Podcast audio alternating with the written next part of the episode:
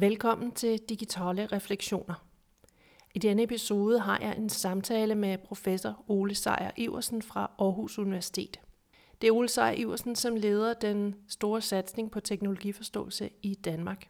Og jeg mødte ham i Oslo på en konference, og vi kommer i samtalen omkring koblingen mellem teknologiforståelse, design og empowerment, og forsøger at forstå det hele i en nordisk kontekst, hvor alle de her begreber og traditioner forskellige, og hvor er det egentlig det samme.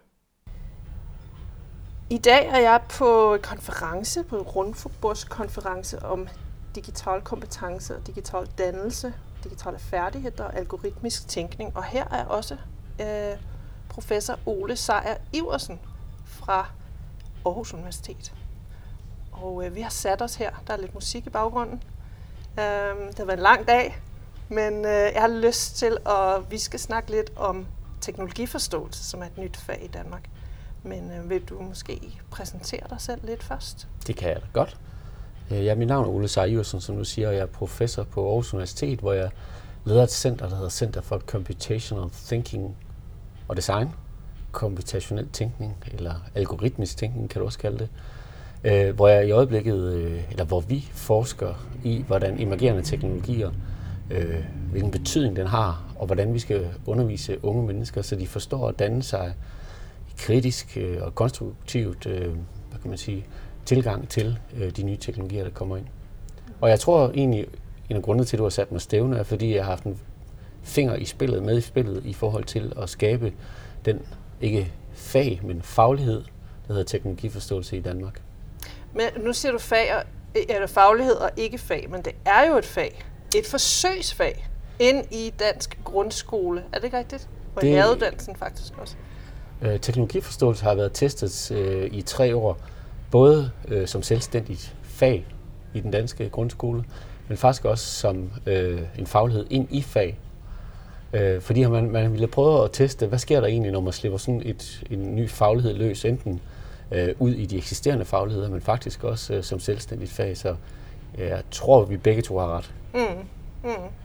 Men nu har vi jo, I har sådan en model øh, med sådan, øh, den har, jeg har jo en anden podcast med, med Mikkel Hjort, hvor han forklarer ligesom, hvad det er, som indgår i de der fire forskellige, øh, men vi kan jo lige, jeg kan jo lige sige, hvad det er. Det er digital myndiggørelse, komputas, komputationel tankegang, teknologisk handleevne, digital design og designprocesser. Ja, så altså det du peger på, det er de fire kompetenceområder, som er blevet valgt i forsøget man skulle prøve af. Mm. Øh, og det man kan sige, det er, at de fire kompetenceområder, de både dækker noget, der har et teknisk komponent, kreativt komponent, øh, også et forståelse og analytisk komponent, som man så har sat sammen i sådan en symfoni af forskellige kompetenceområder, som vi har, som i hvert fald er et bud på, hvordan at øh, børn og unge mennesker kan få digitale kompetencer.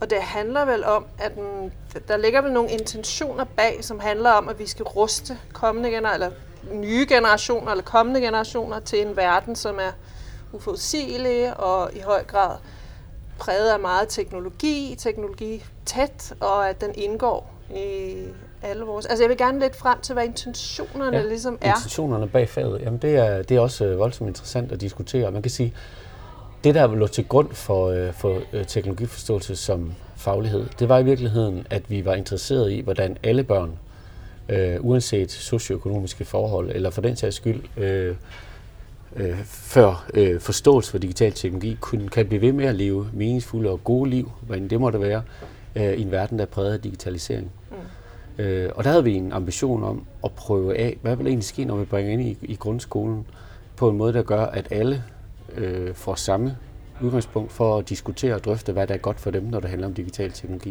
Mm. Og det gælder både i forhold til på individplan, altså for, for, den, for det enkelte menneske, men også i forhold til, hvordan vi har fællesskaber og hvordan vi egentlig har samfund sammen. Og der tænker vi, at teknologiforståelse vil give alle et afsæt til at kunne tale med omkring, hvordan den digitalisering foregår på en, på en ansvarsfuld og god måde. Så rust, ruste alle til ligesom på lige fod. Et, så de alle de samme forudsætninger. Et digitalt medborgerskab, kan du sige. Mm. Mm.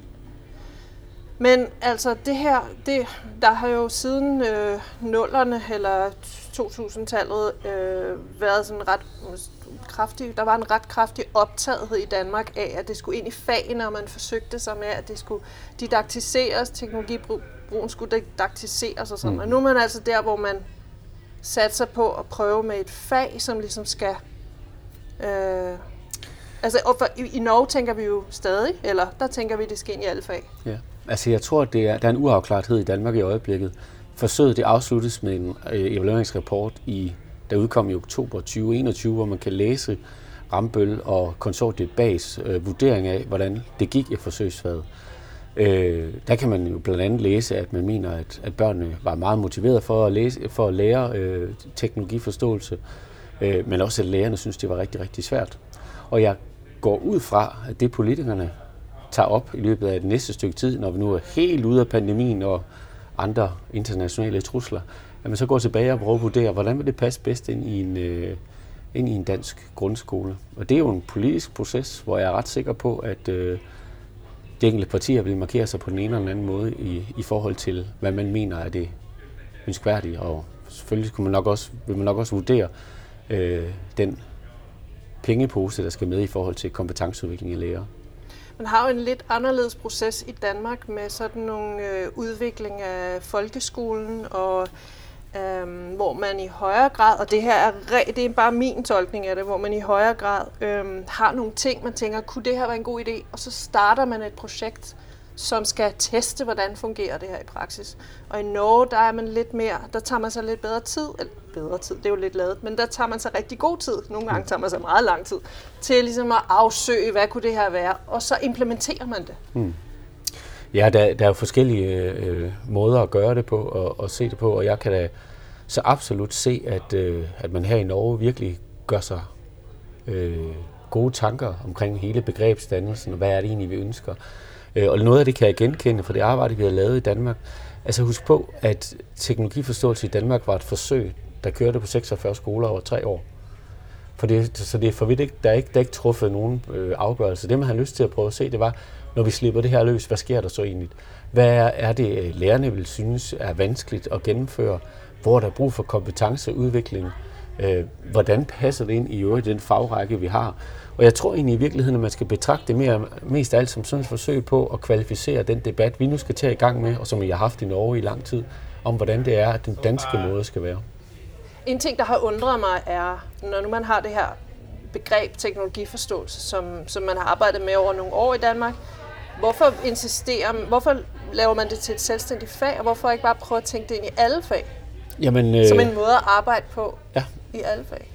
Jamen, jeg tror ikke, du skal se det som et, et enten eller, men måske mest af alt som et både og, som en to strategi, hvor man både prøver at undersøge, hvad sker der, hvis faget har sin egen faglighed, øh, altså, og sit egen timetal. Hvad vil så ske med udviklingen? Bliver eleverne dygtigere? Ser de anderledes på den oplevelse, øh, de har af at, at have den her faglighed, end hvis de bliver integreret i fag? Øh, så har jeg også en forskning om, at man på sigt vil tænke, er det her noget, som øh, fagfagligt uddannede lærere skal tage sig af? Eller vil det være smart at lægge ind i fagene, sådan at folk med andre faglige kompetencer skal varetage den undervisning? Og der tænker jeg, at teknologiforståelsesforsøget rent faktisk øh, giver nogle informationer og et grundlag for at kunne diskutere, hvad vej er det, vi skal gå.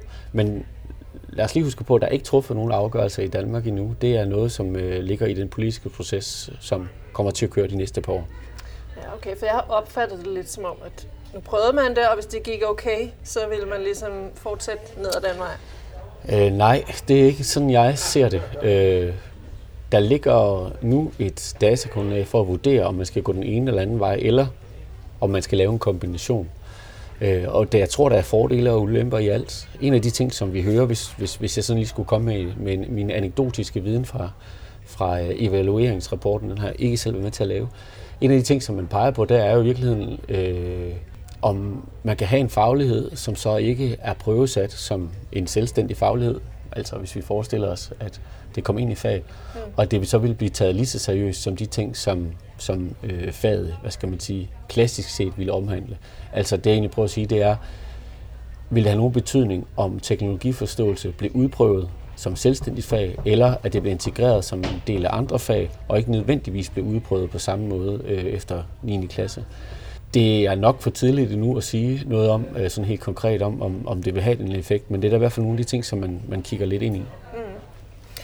Altså når jeg ser på det her teknologiforståelse sådan lidt, lidt udefra, kan man sige, så, øhm, så ser jeg sådan en stærk fokus på, på, øhm, på sådan STEM-fag og Science, Technology, øhm, Engineering og Mathematics, som det står for. Øh, altså en stærk fokus på teknologien, på at forstå den, på at forstå, hvordan den er blevet til, og på at ligesom skulle pille den fra hinanden og sætte den sammen igen sådan lidt øh, skematisk sat op. Men øh, hvad tænker du om den kritik? Er det sådan er lidt, er lidt overvægt og sådan stemt fokus på, på det, og lidt mindre på de, på de bløde værdier? Ja, jeg kan nok ikke rigtig... Det er ikke første gang, jeg hører kritikken, men jeg kan nok ikke rigtig genkende den, for jeg synes faktisk, at øh, de fire kompetenceområder har plads til både humanistiske, samfundsvidenskabelige og også øh, naturvidenskabelige kompetencer, hvoraf altså STEM, tænker jeg, øh, primært udspringer sig. Men øh, den digitale myndiggørelse, for så eksempelvis, øh, Øh, er jo et sted, hvor man kan have rigtig, rigtig mange diskussioner om, hvilke konsekvenser teknologierne har for os som mennesker. Man kan indbringe, eller man kan inddrage rigtig, rigtig mange af, de, øh, af den faglighed, der ligger inden for humaniora, øh, ind der. Øh, det gælder faktisk også for de øh, samfundsvidenskabelige øh, forhold. Det vil også være helt oplagt at bringe ind. Men husk på, at det er en gryende faglighed, øh, som er ved at finde sine egne ben. Og de fire kompetenceområder ser jeg mest af alt som, en, øh, som et første bud på et sted, hvor man kan samle tværfagligheden omkring det at forstå digitale teknologier. Så det er en tværfaglighed, der byder de enkelte vidensområder ind og op til dans, kan man sige.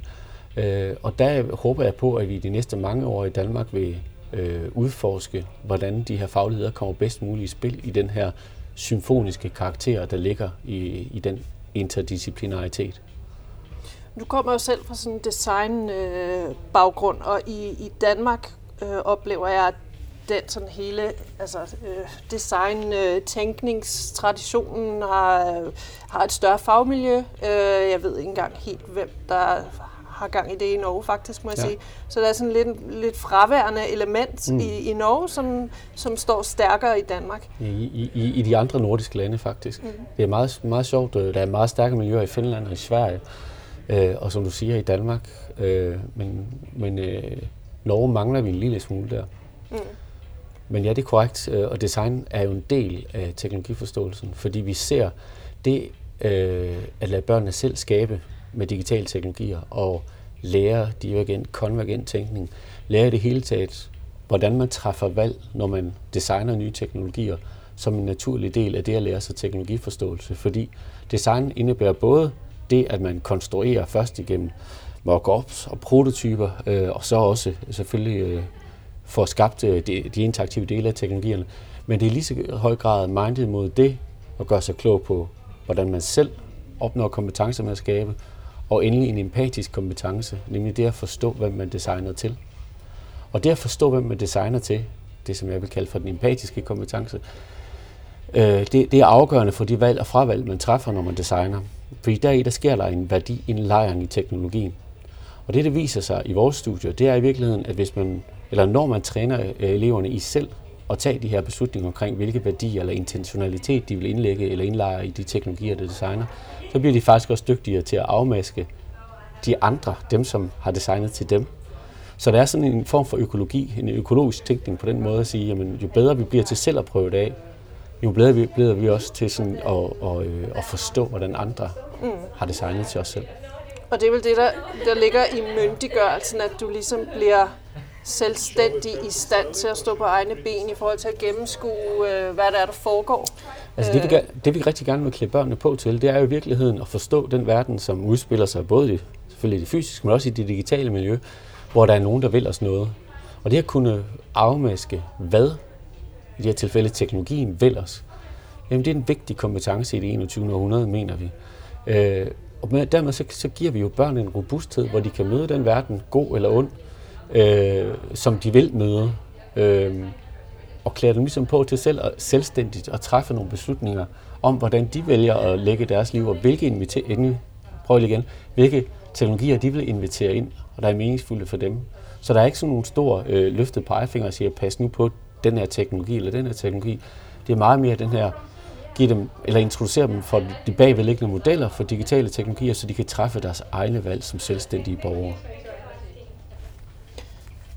Så jeg tænker, at det her det handler jo også om øh, kompetencer for, for, for fremtiden, som vi kalder det i Norge. Altså en selvstændiggørelse, en kritisk tilgang. Mm-hmm. Øh, ja. Og så handler det vel også om det, vi kalder ytforskertrang, øh, skaberglæde og engagement i den ja. nye norske, øh, i fagfornyelsen i LK20. Øhm, ja. Empowerment har du også, da vi snakkede om, før vi, før vi startede optagelsen, snakkede du om empowerment. Ja. Empowerment, som, øh, hvor, jeg, hvor jeg tænker, at det nordiske oversættelse må næsten være egen magt. Mm. Altså det at, at, at skabe sig selv et plads til at tage ejerskab over de teknologier, som man vælger at invitere ind. Det synes jeg er, er fuldstændig centralt i den kompetence, vi gerne vil skabe. Øh, og bringe den tilbage til børnene. Øhm, ikke foregive, at vi som, som ansvarlige voksne ved bedre end børnene selv, men invitere dem med ind i de processer, hvor børnene selv gør overvejelser om, hvilke teknologier de vil skabe plads til i deres liv. Og det gælder, når jeg siger deres liv, så handler det jo ikke kun om deres eget individuelle liv, men lige så høj grad at magte det, om man vil have fællesskab på et socialt medie, der er underlagt nogle elementer, som er bestemt af en virksomhed et andet sted fra, som ikke nødvendigvis vil det, som vi vil i fællesskabet. Det at kunne træffe de afgørende beslutninger og træffe valg og fravalg, det ligger i det. Og endelig, hvis vi skal bringe det helt op på samfundsniveau, det at kunne blande sig i, hvilket samfund vi skaber. Altså det er jo ikke nogen hemmelighed, at i øjeblikket, der ruller vi digitale infrastruktur ud over vores verden, som også ind i vores meget sådan, kritiske samfundsinstitutioner, øh, som har afgørende betydning for den måde, vi har samfund på. Og jeg ved ikke, hvordan det er i Norge, men i Danmark, der gør man eksperimenter med kunstig intelligens, øh, der støtter i vores øh, kritiske øh, institutioner og samfundsinstitutioner. Og jeg tror, det er de færreste mennesker, der egentlig ved, hvordan de her algoritmer virker, eller hvilket beslutningsgrundlag mm. de stiller til de fagprofessionelle. Mm. Og der tænker jeg, at den indsigt, den er fuldstændig essentiel at få med, hvis man vil være et dannet demokratisk borger i det 21. århundrede. Mm. Clearview er et eksempel på politiet, der tager sådan noget ansigtsgenkendelsesteknologi, yes. og det svenske politi tog det jo faktisk i brug og fik en kæmpe bøde. Ja. Og det norske politi øh, fik heldigvis sagt nej tak, fordi de godt kunne se her, var det var jo ikke helt så i vi, orden. Så vi, vi vælger egentlig som nordiske lande, tænker jeg, øh, at stå lidt uden for det eksperiment, og så kigge til USA med mm. undren over, hvad der sker der. Altså en, i det hedder version 2, øh, et netmedie i Danmark, har man refereret en undersøgelse fra Los Angeles, hvor man brugte predictive policing.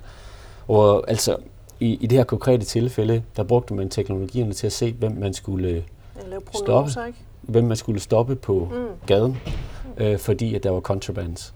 Øh, og det undersøgelsen viser, det er, at 76 procent af befolkningen i Los Angeles faktisk 76, aldrig, ja. 76, yes, ja. aldrig nogensinde bliver stoppet. Øh, hvorimod at 2 procent angiver, at de bliver stoppet ofte. Ja. mere end 10 gange om ugen. Wow.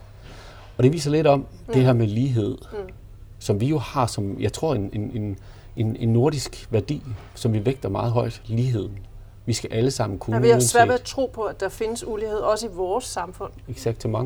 Men, men det, det bare viser, er jo bare, at vi skal være meget opmærksom på de ting, som vi indlejer i de teknologier, vi omgiver os med, fordi de ikke nødvendigvis har det samme værdigrundlag, som, som vi har valgt at gøre til det centrale i vores samfund. Og her tænker jeg på åndsfriheden, ligeværet og demokratiet.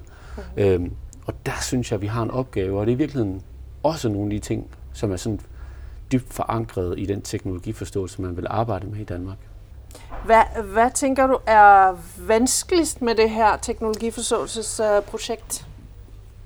Jeg tror egentlig nok, at vi deler nogle af de tanker, I gør her i Norge, i forhold til at gøre hele uddannelsessektoren klar til at påtage sig opgaven og undervise på lige så professionelt niveau, som vi gør inden for alle andre fagligheder. Så det handler for Danmarks vedkommende om kompetenceudvikling hele vejen rundt i fødekæden. Altså jeg taler i virkeligheden om at få forskningsmiljøer der interesserer sig for det her øh, og beskæftiger sig med den internationale forskning. Jeg taler om de øh, lærer, vi har på øh, professionshøjskolerne, læreruddannelserne, for dem løftet, sådan at de kan forestå den undervisning, der skal til for at vores fremtidige lærere, og også de lærere, der kommer ind og får efter videreuddannelse, bliver dygtige nok. Og naturligvis så skal vi have skubbet til de enkelte undervisere helt ude på skolerne, sådan at de med samme professionalisme og samme ilhu kan gå til opgaven, som de gør øh, inden for alle andre fag. Jeg tror så til gengæld, når vi lykkes med det, så har vi en, nogle super gode forudsætninger, fordi vi har nogle undervisere her i Norden, som, som i forvejen har den der kritiske øh, forståelse med, og den der kæren for ikke bare uddannelse, men også dannelse. Øh, og i virkeligheden har et fokus på, at eleverne ikke bare skal blive til noget, men også skal blive til nogen. Mm. Alt det har vi med. Det ligger simpelthen dybt i vores kulturarv, og der ligger noget at bygge på, nogle trædesten. Men vi skal selvfølgelig som samfund sørge for, at de fagprofessionelle er klædt på til de opgaver, der ligger. Der ser jeg den største udfordring. Mm.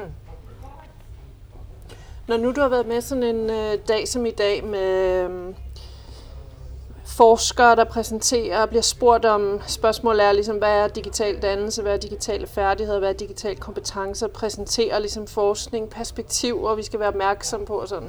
Hvad tænker du så om, om det, det norske perspektiv? Har du nogle tanker om, om det? Hvad ser du, som kommer sådan udefra? Jamen, øh, jeg har brugt dagen i dag til at have meget store ører og lytte øh, på, den, på de forskellige diskurser, der spiller sig ud øh, i Norge. Øh, jeg synes, at jeres forståelse for, øh, for kompetenceudviklingen ligner meget det, vi ser i Danmark. Jeres kæren for den digitale dannelse, jeres interesse for, det er det, der står centralt. Den, der er et stort slægtskab med det, øh, som vi også diskuterer øh, i Danmark. Øh, her på efter første dagen, der kunne jeg måske i den norske diskurs savne en lille smule mere af det konstruerende element her, fordi øh, i Danmark, der taler vi i hvert fald om, at det her det er jo ikke noget, vi kan tænke os til eller forstå os ud af. Det er noget, vi skal skabe os ud af. Så den der skabertrang, eller den der, det at kunne konstruere selv, eller træffe valg helt ned i det at kunne gøre noget med teknologierne, øh, det er noget, som vi i Danmark har vægtet højt. Og i hvert fald efter første dagen her, så er det måske det, jeg ikke har hørt så meget mange tale om øh, her. Så det, det, øh, det er da meget interessant, tænker jeg, at, øh, at øh, ligesom at, at se, hvordan at vi hvad kan man sige, forbrøder os omkring det centrale, altså dannelsen, dannelsesdelen. Øh, men at vi, vi spiller det ud på lidt forskellige måder. Så der er jo sådan i virkeligheden øh, god grobund for, at vi i, i Norden taler endnu mere sammen omkring nogle af de udfordringer øh, og muligheder, som vi, som vi hver især har og deler. Ja, for i dag har det handlet meget om begreber og sådan nørder, nørderi i det. Og, øh, men jeg oplever altså, at det der skabende element er, er ikke så tydeligt i Norge. Jeg tror også, det handler om nogle traditioner med, med men, design og håndværk men, i Danmark, som øh, bare har en anden... Øh, Måske, men, men, øh, men der kunne jeg jo høre, eller jeg kunne forstå på, på en af oplægsholderne, at de praktiske, praktiske øh, kompetencer faktisk også får en renaissance i den norske ja. folkeskole. Ja. Og der tænker jeg jo umiddelbart, at der ligger jo et, et, et, et glimrende rum for at reintroducere den kloge hånd. Øh, Hvad er det? Den kloge hånd, det er i virkeligheden det at, at tænke med hænderne. Altså, at øh, når vi tænker med teknologierne, som det hedder, altså når vi messer rundt med det, eller nørkler med det, som man vil sige i Danmark. Når vi prøver? Når vi prøver af, mm. og fejler, og lærer vores fejl, og gør det om, der ligger der en klogskab, der både selvfølgelig bevinder til den kognitive, men i virkeligheden også til, hvordan hænderne gør. Øh, og det er også noget af det, vi taler rigtig meget om i Danmark. Vi gerne vil have praksisfagligheden tilbage i folkeskolen, og der ligger der et kæmpe potentiale i det digitale, øh, den digitale faglighed, øh, teknologiforståelse, fordi hånden er så central. Børnene skal have teknologierne ud i hænderne. De skal prøve ting af, de skal turde fejle, de skal have fantasi til at tænke, hvad nu hvis? Og alt det er der en åbenhed for dig. Og det er efter min mening en fuldstændig fantastisk mulighed til at sige, at det at være klog i 2022, det er ikke nødvendigvis bare handler om vores evne til at læse skolebøger. Det kan lige så i høj grad være, om vi kan sætte noget sammen med teknologi, eller måske tweake noget eksisterende design, eksisterende teknologier, øh, eller hacke det, øh, som man siger, på en måde, så de bliver mere meningsfulde eller bedre i forhold til den måde, vi gerne vil leve liv på. Efter at have været en bevægelse væk fra de sådan æstetiske fag, som man kalder det i norsk sammenhæng, altså håndværksfagene i skolen, som da du og jeg gik i skole ja. på 80-tallet, der var ja. det jo nogle stærke fag, og da ja. jeg tog læreruddannelse, var det også altså, obligatorisk at have ja. øh, de fag. Øh, hvorimod jeg ser, at det nu kommer tilbage, både i Norge og i Danmark, som noget, yes. man, man ser, man har glemt. Ja, altså det, jeg tror, du har fuldstændig ret. Øh, måske er det, jeg tror, der er nogle øh, skoleforskere i Danmark, der vil sige, at man har akademiseret øh, fagene for meget. Det er blevet for borgerligt. Øh, hvilket så betyder i Danmark, at vi mangler rigtig, rigtig mange gode fagprofessionelle, der kan noget med deres hænder. Det er, der er ikke prestige forbundet i det. Men altså, det jeg jo ser, det er, at, at rigtig, rigtig mange øh, børn, som, som vi leger med teknologi med, de begynder lige pludselig at få interessen for det at være og skabe med hænderne. Men det vi oplever, det er, når vi introducerer teknologiforståelse og øh, det at være kreativ med, øh, og fantasifuld med teknologi, og turde sætte dem sammen på alle mulige måder, se om det virker, og hvis det ikke virker, så sætter man dem bare sammen på en anden måde. Øh, og hele den der fejlmodighed, som vi kalder det i Danmark, hvor man tør fejle og tør prøve af, der ser vi en interesse for håndens arbejde igen, der ligesom aktualiserer sig af, at det er jo fuldstændig legitimt, både øh, at, ved, at gøre noget med hænderne, men også tænke over, hvilke konsekvenser har det her, det at jeg sætter tingene sammen på den her måde for de mennesker, der skal bruge det her. Og det er jo i virkeligheden mange, meget af, den, af de ting, vi gerne vil hen til, fordi i Danmark, jeg tror måske ligesom i Norge, der kommer vi til at mangle folk, der kan noget med hænderne, altså håndværk. Mm. Øhm, og jeg ser det som en glimrende mulighed til at reintroducere det i skolerne. Ja, det er et vigtigt budskab, at vi skal huske, at vi kan akademisere alt, og vi skal huske, at øh, vi faktisk, eller vi har brug for folk, der kan skabe ting med hænderne. Bestemt. Og så har vi brug for nogen, der forstår konsekvenserne af det, og vi har faktisk brug for nogen, der kan begge dele. Er det ja. egentlig ikke det, der er pointen? Jo, eller jeg tror måske, at man kunne sige, at vi til forskel fra andre lande, der sådan massivt satser på at få flere højkompetente mennesker, der kan kode og dermed bidrage til landets økonomi og konkurrenceevne. Så det vi gør i Skandinavien, i hvert fald sådan som jeg ser det, eller i de nordiske lande, det er virkelig at sige, nej, vi skal alle sammen have den komponent. Så vi skal have teknologikompetente sygeplejersker, der forstår, hvad det betyder i forholdet mellem patient og sygeplejerske, at teknologien lige pludselig kommer ind imellem. Øh, vi skal have jurister, der forstår, at når vi begynder at bruge kunstig intelligens inden for vores retssamfund, så er det konsekvenser for den måde, som borgerne vil opleve retssikkerheden på. Og sådan kunne jeg egentlig blive ved. Og jeg tror faktisk, det er det. Vi skal alle sammen have den her komponent, fordi så, oplever, så vil vi opleve et samfund, der er robust og stærkt, og som, hvor den enkelte borger kan stå vagt om de værdier, som vi har bestemt os for skal være gældende, altså åndsfriheden, ligeværd og demokratiet, uanset om det handler om øh, mennesker ude på en byggearbejdsplads, eller for den sags skyld folk, der sidder inde og, og passer på vores retssystemer. Mm. Eller almindelig stillingtagen til valg og valg, øh, fake news og hvad der nu også måtte være forstyrrelser i politiske processer og vores daglige liv og sådan i det hele taget. Ja, så helt bestemt. Og der taler du om noget, som, som, som er det, der aktualiserer meget teknologiforståelsen. Det er det her med, at man har haft en bekymring for, om vi som borgere kan se forskel på øh, de informationer, som et eller andet sted har mere sandhedsværdi end andre. Øh, og der tænker jeg igen, der er jo ikke et, et quick fix. Det, der i virkeligheden handler om, det er at prøve at forstå, hvad algoritmer gør ved det er den måde, vi, vi konsumerer øh, information på. Og jeg tror, det er bevist, at øh, fake news øh, rejser hurtigere på de sociale medier end ikke fake news. Mm. Øh, så bare den information, og det at kunne, hvad kan man sige, decifrere øh, den måde, som, som algoritmerne bringer informationer frem i vores feeds på, det er sådan nogle, det er sådan nogle ting, som vi skal have indarbejdet. Øh, og det kræver jo, at, øh, at, at vi har en faglighed, der kan fortælle lidt smule om, hvordan de algoritmer egentlig hænger sammen. Så derfor så tænker jeg, at den her teknologiske komponent, øh, hvor vi har fingrene nede i skidtet, for at sige det lige ud, altså fingrene nede i teknologien, den er altså lidt vigtig. Det er ikke bare noget, vi kan øh, tænke os til. Det er, det er noget, som har, har bundet dybt ned i den måde, som, som jeg, jeg kalder det for teknologiens materialitet, altså den måde, som teknologierne er på. Og det med, at vi skal forstå, hvordan teknologierne indvirker, og at øh, juristen og politimanden osv. får mig også til at tænke på det finske øh, Helsinki Universitet, der lavede Elements of AI, som jo i udgangspunktet var, så det er sådan et åbent studie, som var til alle borgere, fordi mm. de ønskede, at borgerne også ligesom skulle myndiggøre, så ja. borgerne skulle forstå og kunne ja. tage stilling. Jeg synes, sådan nogle greb i de nordiske lande også er interessante. Helt fantastisk, og det er, det er, jo, det er jo et super godt eksempel på, at, at der er en øget bevågenhed på det her. I Danmark har øh, Vilumfonden doneret øh, 100 millioner til et projekt, der hedder Algoritme, Data og Demokrati, ADD. Øh, blandt andet med, øh, med, med Lisbeth Knudsen fra Altinget i spidsen. Øh, og det er jo udover et, et, et forskningsprojekt, faktisk også et borgeroplysningsprojekt, som har helt klart som erklæret mål at klæde den danske befolkning på til at forstå, hvad algoritmerne gør ved den måde, som vi har demokrati på. Øh, og jeg synes jo, det er fantastisk at følge sådan lidt fra sidelinjen på den måde, at, øh, at vi, vi forstår, eller forsøger i hvert fald, at integrere øh, digitaliseringen, eller integrere alle mennesker i digitaliseringen og sige, jamen der er også plads til dig, der er også plads til dig, der vil være kritisk. Der er også plads til dig, som måske ikke har, endnu har forudsætninger til det, fordi det er vigtigt, at demokrati øh, giver mulighed for, at alle kommer til ord. Så de der folkeoplysende øh, projekter er vigtige. Og i virkeligheden er nok lidt det, vi tager hul på ved at tage teknologiforståelse ned i grundskolen, det er, at vi bringer dem en lille smule videre og siger, at det er ikke bare oplysende, det er uddannende, øh, det initiativ, vi tager.